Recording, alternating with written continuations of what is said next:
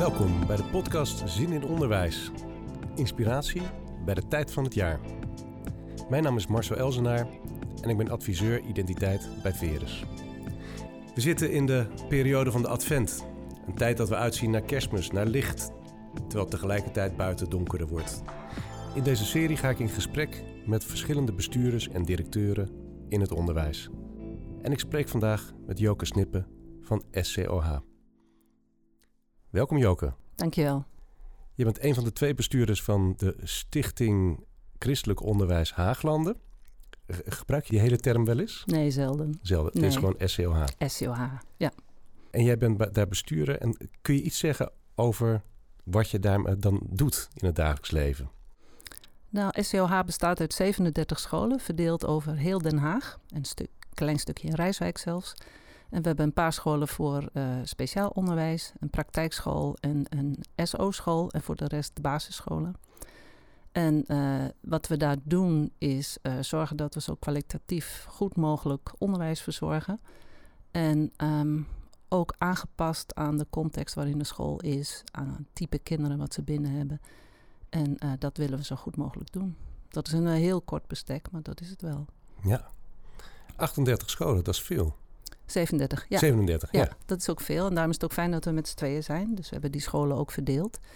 En uh, we zijn ook een hele platte organisatie in die zin dat we geen laag ertussen hebben. Dus uh, ja, ik heb als het ware 18 scholen onder mij. En ik vind het ook heel fijn dat dat uh, rechtstreeks is, zeg maar. Een kleine staf. En um, ja, toch een overzichtelijke organisatie. Ja. staat bekend als een warme organisatie. Dat mensen erg betrokken zijn op elkaar en daar ook graag werken. Dus dat is ook wel een goed sociaal kapitaal, denk ik. Precies. Ik ben één keer bij jullie langs geweest en uh, dat, uh, dat heb ik ook zeker zo uh, ervaren. En jullie zaten ook op een mooie plek tegenover het Vredespaleis. Ja, ja goede buurt, zeg maar. Ja. En dat, dat is natuurlijk een goede buurt. En ja. tegelijkertijd re realiseer ik me ook wel dat Den Haag is groot. Haaglanden. En de context van onderwijs is dan soms echt wel, ook wel echt heel verschillend.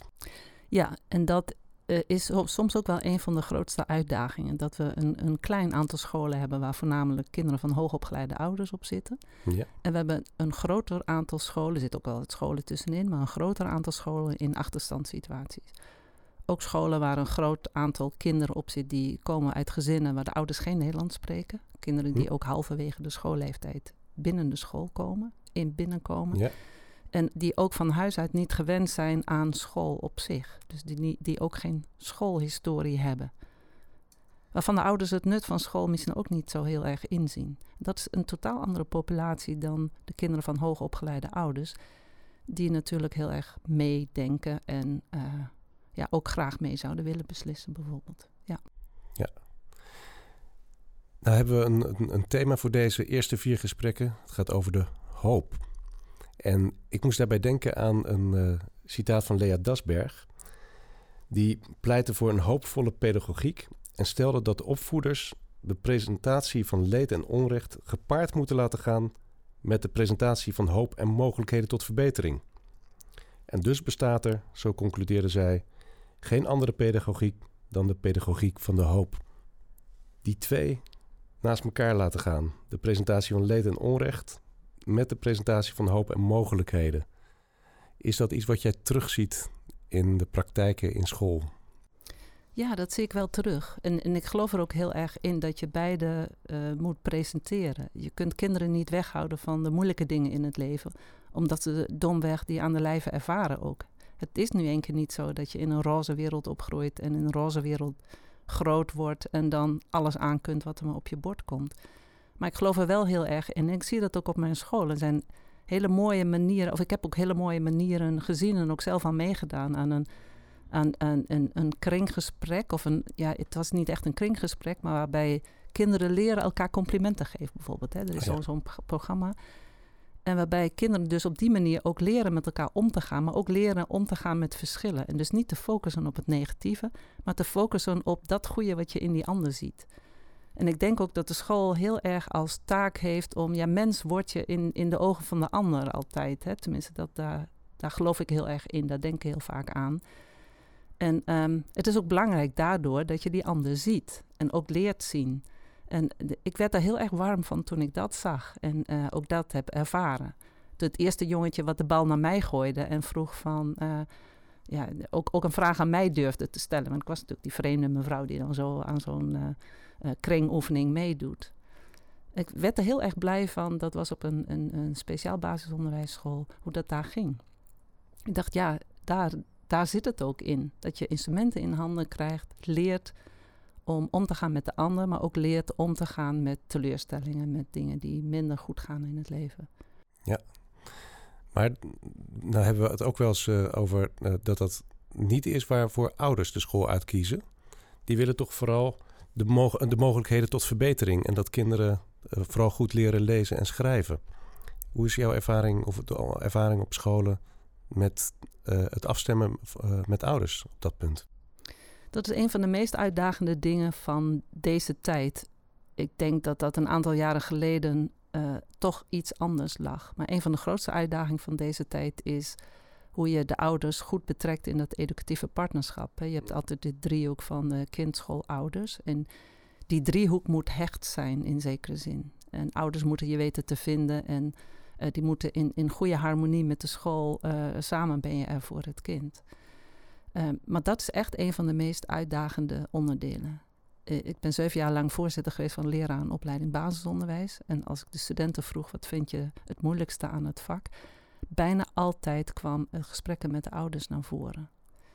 En um, dat gebeurt op verschillende manieren. En dat, dat heeft soms ook te maken met het feit dat ouders teleurstelling ervaren over de mogelijkheden van een kind. En ik heb ouders daar ook wel over gesproken, een groep ouders over gesproken, van hoe was het toen je hoorde, ontdekte, merkte dat het kind niet op de reguliere basisschool, maar naar het speciaal basisonderwijs ging. En die vijf moeders die ik sprak, die zeiden alle vijf, en sommigen ook nog met de tranen in de ogen, dat was niet eenvoudig.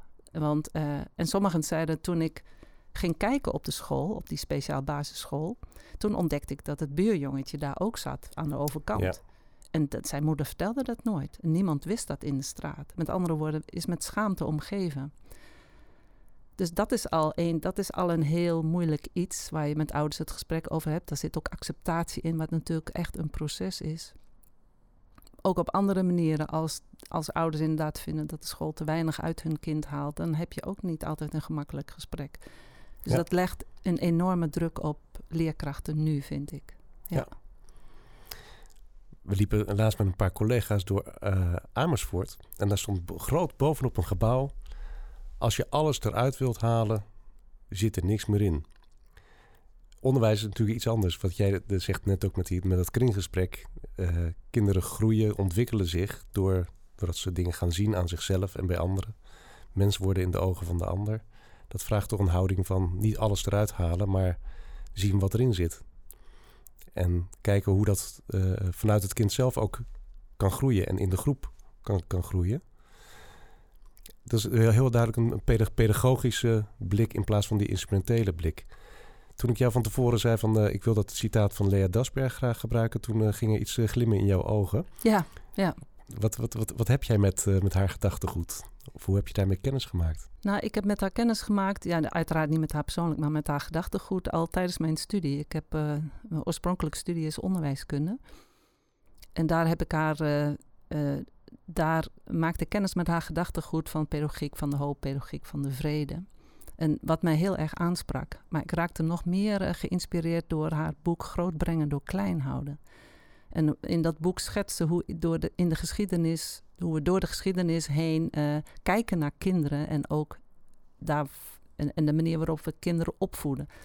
En dat uh, loopt dan van uh, kinderen die als volwassenen worden gekleed en als volwassenen worden behandeld, hè, de volwassenen in zakformaat, tot aan kinderen um, die, die goed zijn in zichzelf en die nooit iets kwaad kunnen doen en die, um, die volledig kind moeten zijn. Tot het moment waarop zij beschrijft van maar kinderen krijgen nu de instrumenten niet meer in handen hoe ze mens zouden moeten worden. Dat, dat lukt ze niet meer. En daar moet ik nog wel eens aan terugdenken. Dat ik denk, ja, uh, we zouden kinderen wel echt moeten meegeven dat ze zich in de brede kunnen ontwikkelen en kunnen leren omgaan met een hele grote, heel groot scala aan, aan situaties, aan onderwerpen. Ja. En dan, ja, dan gaat het natuurlijk minder om kennis aan zich. Hè? Dat, mm -hmm. Ook dat zit erin. Die kenniscomponenten verdwijnt natuurlijk niet. Maar ook het wel, ehm, ja, het ermee leren omgaan. Ik denk ook nog wel vaak aan, uh, dit zijn allemaal mensen echt uit, uh, uit, uit hun verleden, hè. Er zijn natuurlijk ook heden en daar, maar dit vind ik uit het verleden ook wel bijzonder, van Langeveld. Die altijd zei, opvoeden tot zelfverantwoordelijke zelfbepaling. En soms ja, haal moet je altijd nog een keer herhalen, hè?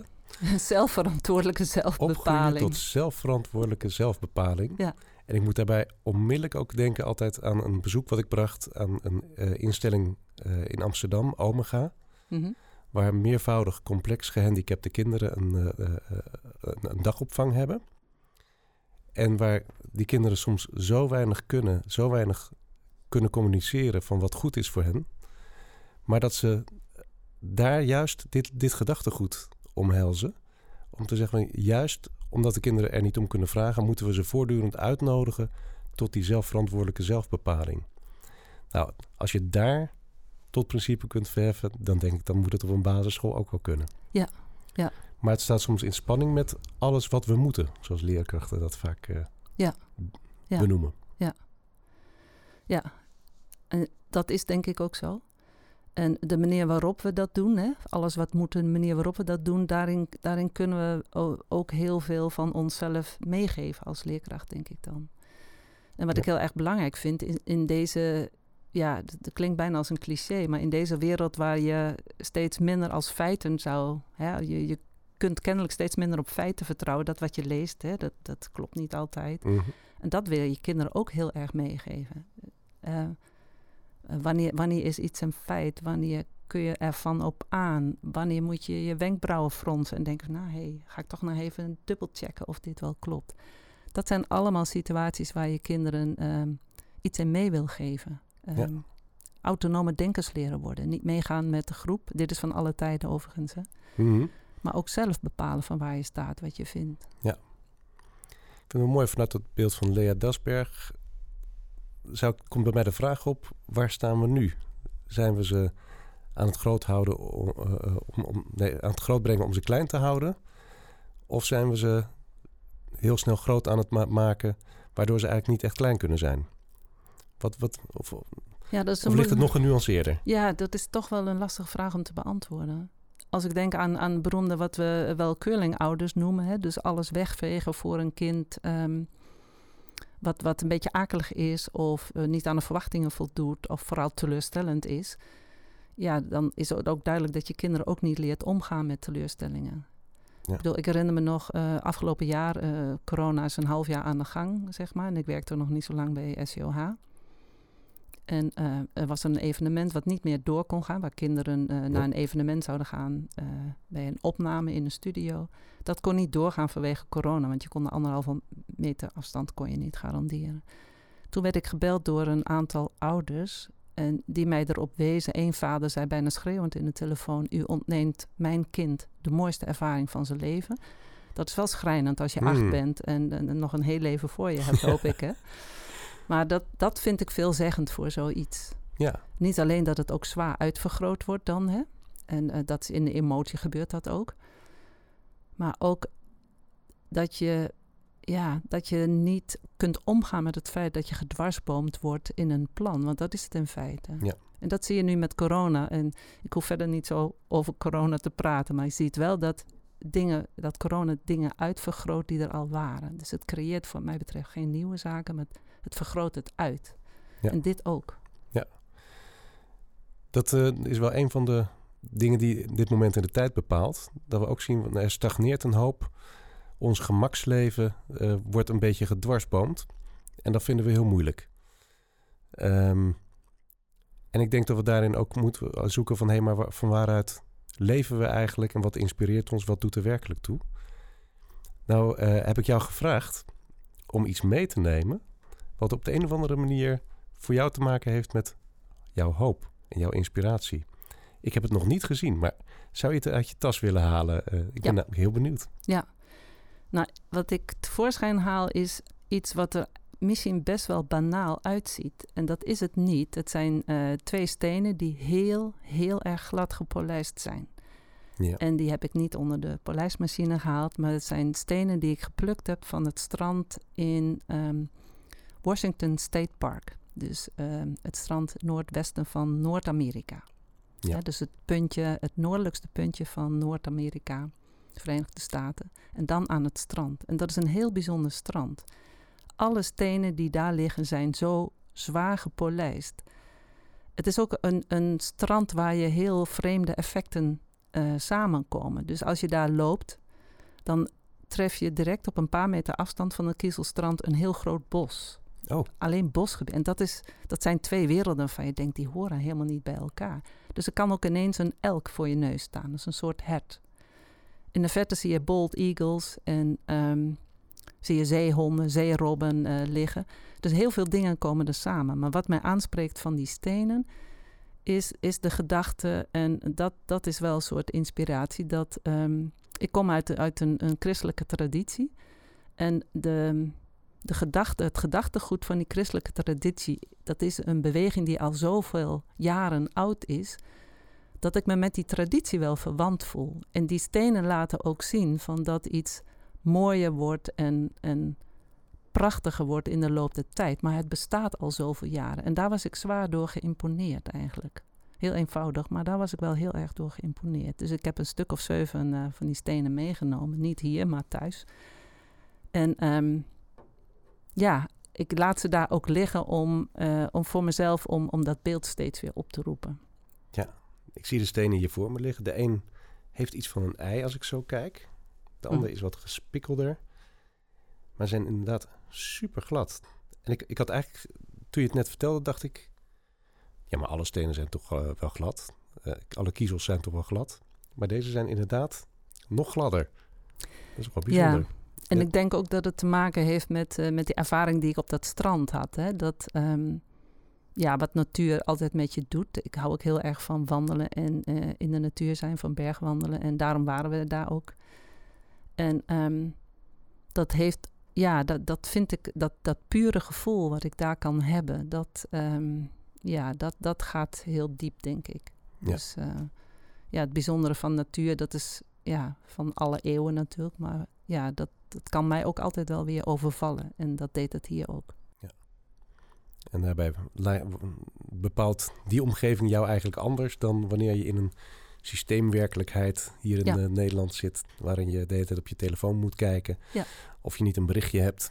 Uh, of dat je uh, denkt van, oh, ik moet even een foto van dit maken. Dat hoeft daar allemaal niet. Je kunt gewoon ja. zijn. Ja, ja dat klopt. En dan kom je er ook ergens bij terug je, volgens mij vertelde je toen we deze afspraak maken ook dat je uh, kort daarop ook in een retraite zou gaan of een retraite zou doen.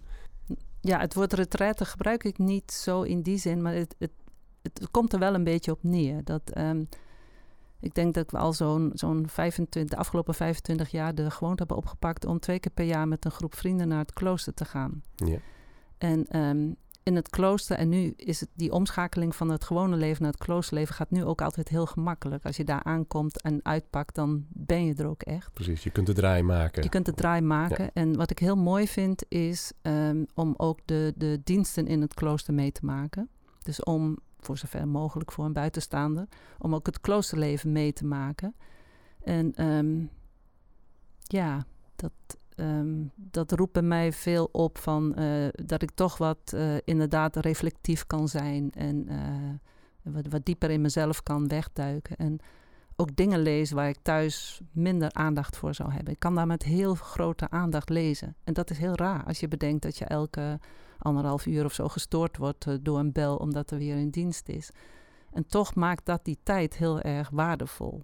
En ja, het lijkt alsof, alsof dat toch heel gemakkelijk is. Ja. ja. Maar daar zit een diepe wijsheid onder. Ik uh, ben ook veel in kloosters geweest. En um, daar heb ik ooit een uitspraak van een van de woestijnvaders uh, gehoord. Age quid agis. Doe wat je doet. En het schijnt dat Benedictus daar ook heel vertrouwd mee was. Uh, toen hij zijn kloosterregels schreef. En dat hij dus het dagritme zo heeft gedaan dat, je, dat elke ruimte voor één activiteit bedoeld is en daar ook naar ingericht is. Maar ook dat elk stuk van de tijd op de dag ingericht is voor wat daar gedaan kan worden. En dan kun je dus inderdaad datgene wat dan de bedoeling is, als het moment voor studie is, dan is het ook echt daar tijd voor en al het andere gewoon niet. Hoef je ook niet zelf in te kiezen. Als het tijd is om te werken, of het nou op het land is of in de keuken of eh, de, administratie, dan is dat wat je op dat moment moet doen. En de taken zijn verdeeld. Dus eigenlijk uh, is dat een uh, heel behulpzame manier om je dag beter te besteden. Maar ook om daar zelf eigenlijk gelukkiger in te blijven en dichter bij je eigen bezieling te kunnen blijven. En het mooie van Benedictus is ook dat ergens in die regels ook benoemd staat dat van welke taak je ook hebt die dag, hè, of dat nou is de keukenvloer schrobben, of dat het is om uh, een, een preek voor te bereiden, of een dienst voor te bereiden, of een lied in te studeren. Doe het met aandacht en doe het met zorg. En het mooie wat daar ook wel in zit, vind ik, is dat alle taken, voor, voor mijn gevoel komen alle taken een beetje op hetzelfde niveau te liggen. Ja. En dat haakt bij mij ook wel een beetje, maar ik denk ook wel wat associatief hoor van het, het, overwaarderen van het cognitieve in onze samenleving. Hè? Dus um, je kunt vooruitkomen in een samenleving als je meer leert, als je meer weet, als je, veel, als je doorgeleerd hebt. Hè? Dus als je veel meer gedaan hebt. En nou, daar ben ik ook wel een exponent van, vrees ik. Maar aan de andere kant, um, uh, de ambachten, het handwerk, um, dat staat op een heel ander plan dan het cognitieve.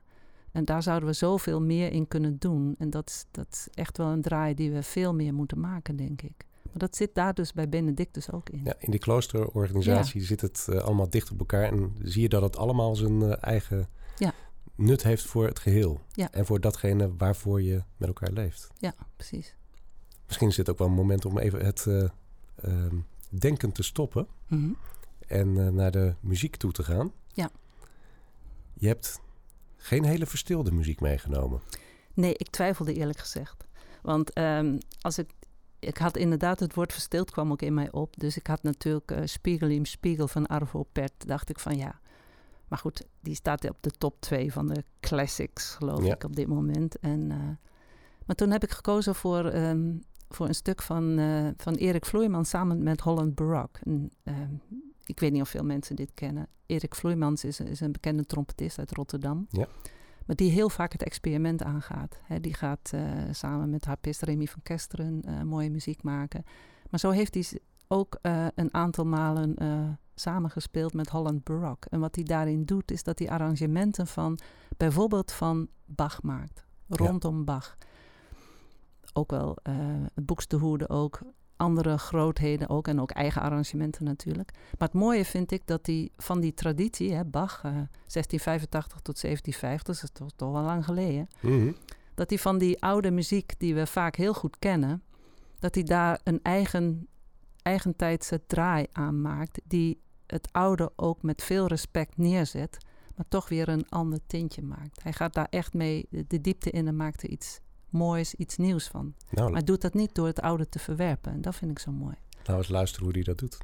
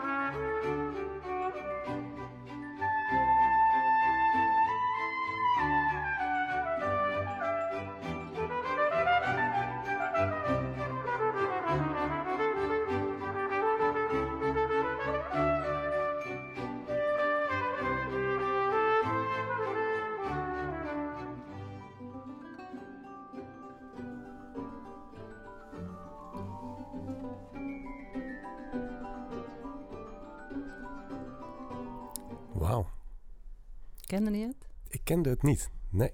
Maar ik vind het heel fascinerend om naar te luisteren. Omdat het zo klassiek is. En tegelijkertijd dat hij een, een, zijn heel erg zijn eigen trompetstem in laat horen, die hedendaags is. Ja. In de manier van bespelen en in de, nou ja, het verhaal wat hij bijna vertelt, zou ik haast zeggen. Ja. En hoe die in gesprek gaat met andere de, uh, instrumenten. En die verbinding met dat, van dat oude en dat nieuwe. En dat het experiment aangaan. Daar zit uh, inderdaad ook. Ik moet echt even ook over nadenken. Wat, wat, daar, daar zit een uh, verbinding van oud en nieuw. die eigenlijk voortdurend in onderwijs volgens mij ook gebeurt. Je hebt een oud idee van waar onderwijs voor is. En je bent altijd met kinderen die de belofte van morgen zijn, of die de toekomstbouwers zijn, zoals we in de publicatie van Erik Borgman lezen, ben je ook met het nieuwe bezig. En hun stem ook te laten klinken. Ja. En daarvoor is het ook nodig dat leerkrachten het experiment aangaan en hun eigen stem ook laten klinken. Ja. In plaats van alleen maar te volgen hoe het hoort. Ja. Of wat de methode schrijft. Ja.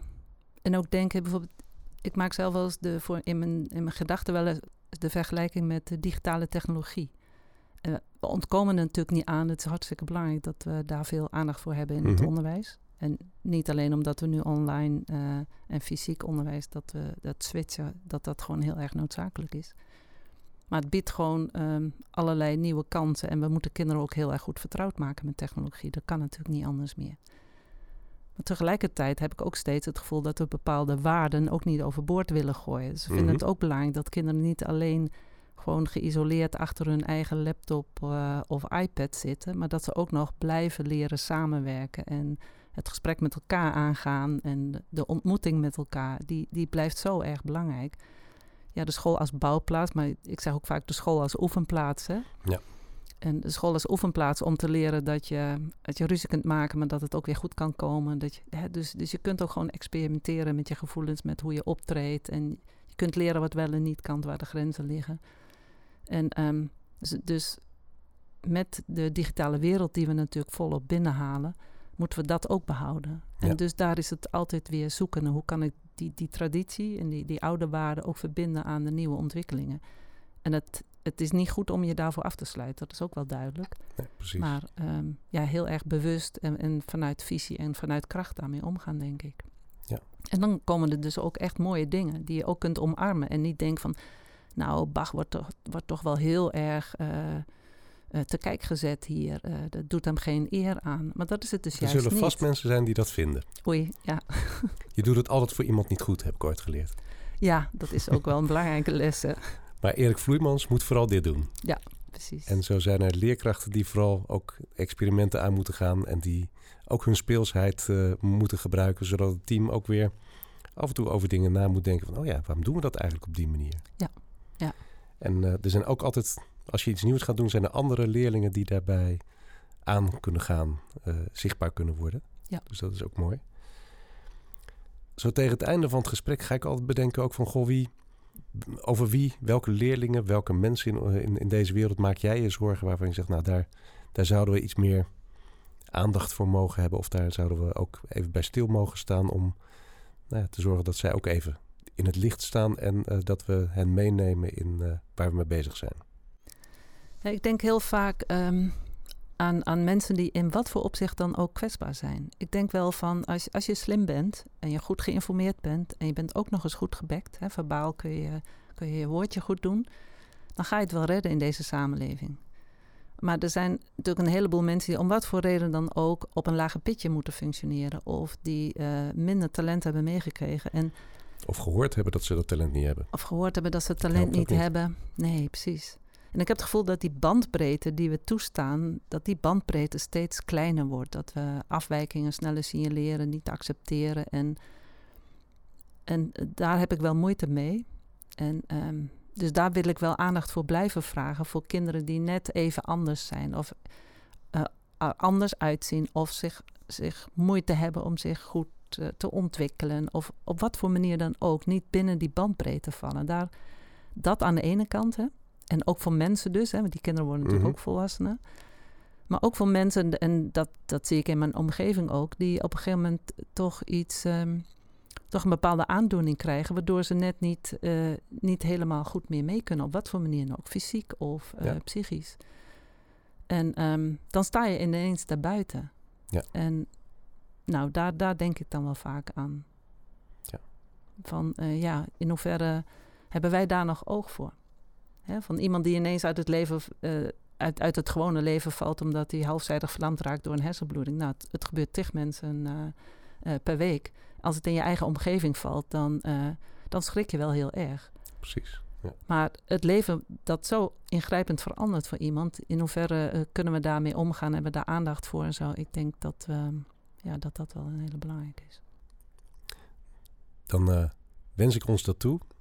Dat we daarmee ook bouwen aan een wereld waar iedereen erbij hoort en dat we mensen niet uitsluiten omdat er dit of dat aan de hand is. Kinderen niet uitsluiten, maar zorgen dat iedereen zijn plek kan vinden. Ja, dat zou Dankjewel willen, voor ja. dit gesprek, uh, Joke. Dankjewel, Marcel. Dankjewel voor het luisteren. Het volgende gesprek zal zijn met Joni Krijt van MBO Utrecht. Tot de volgende keer.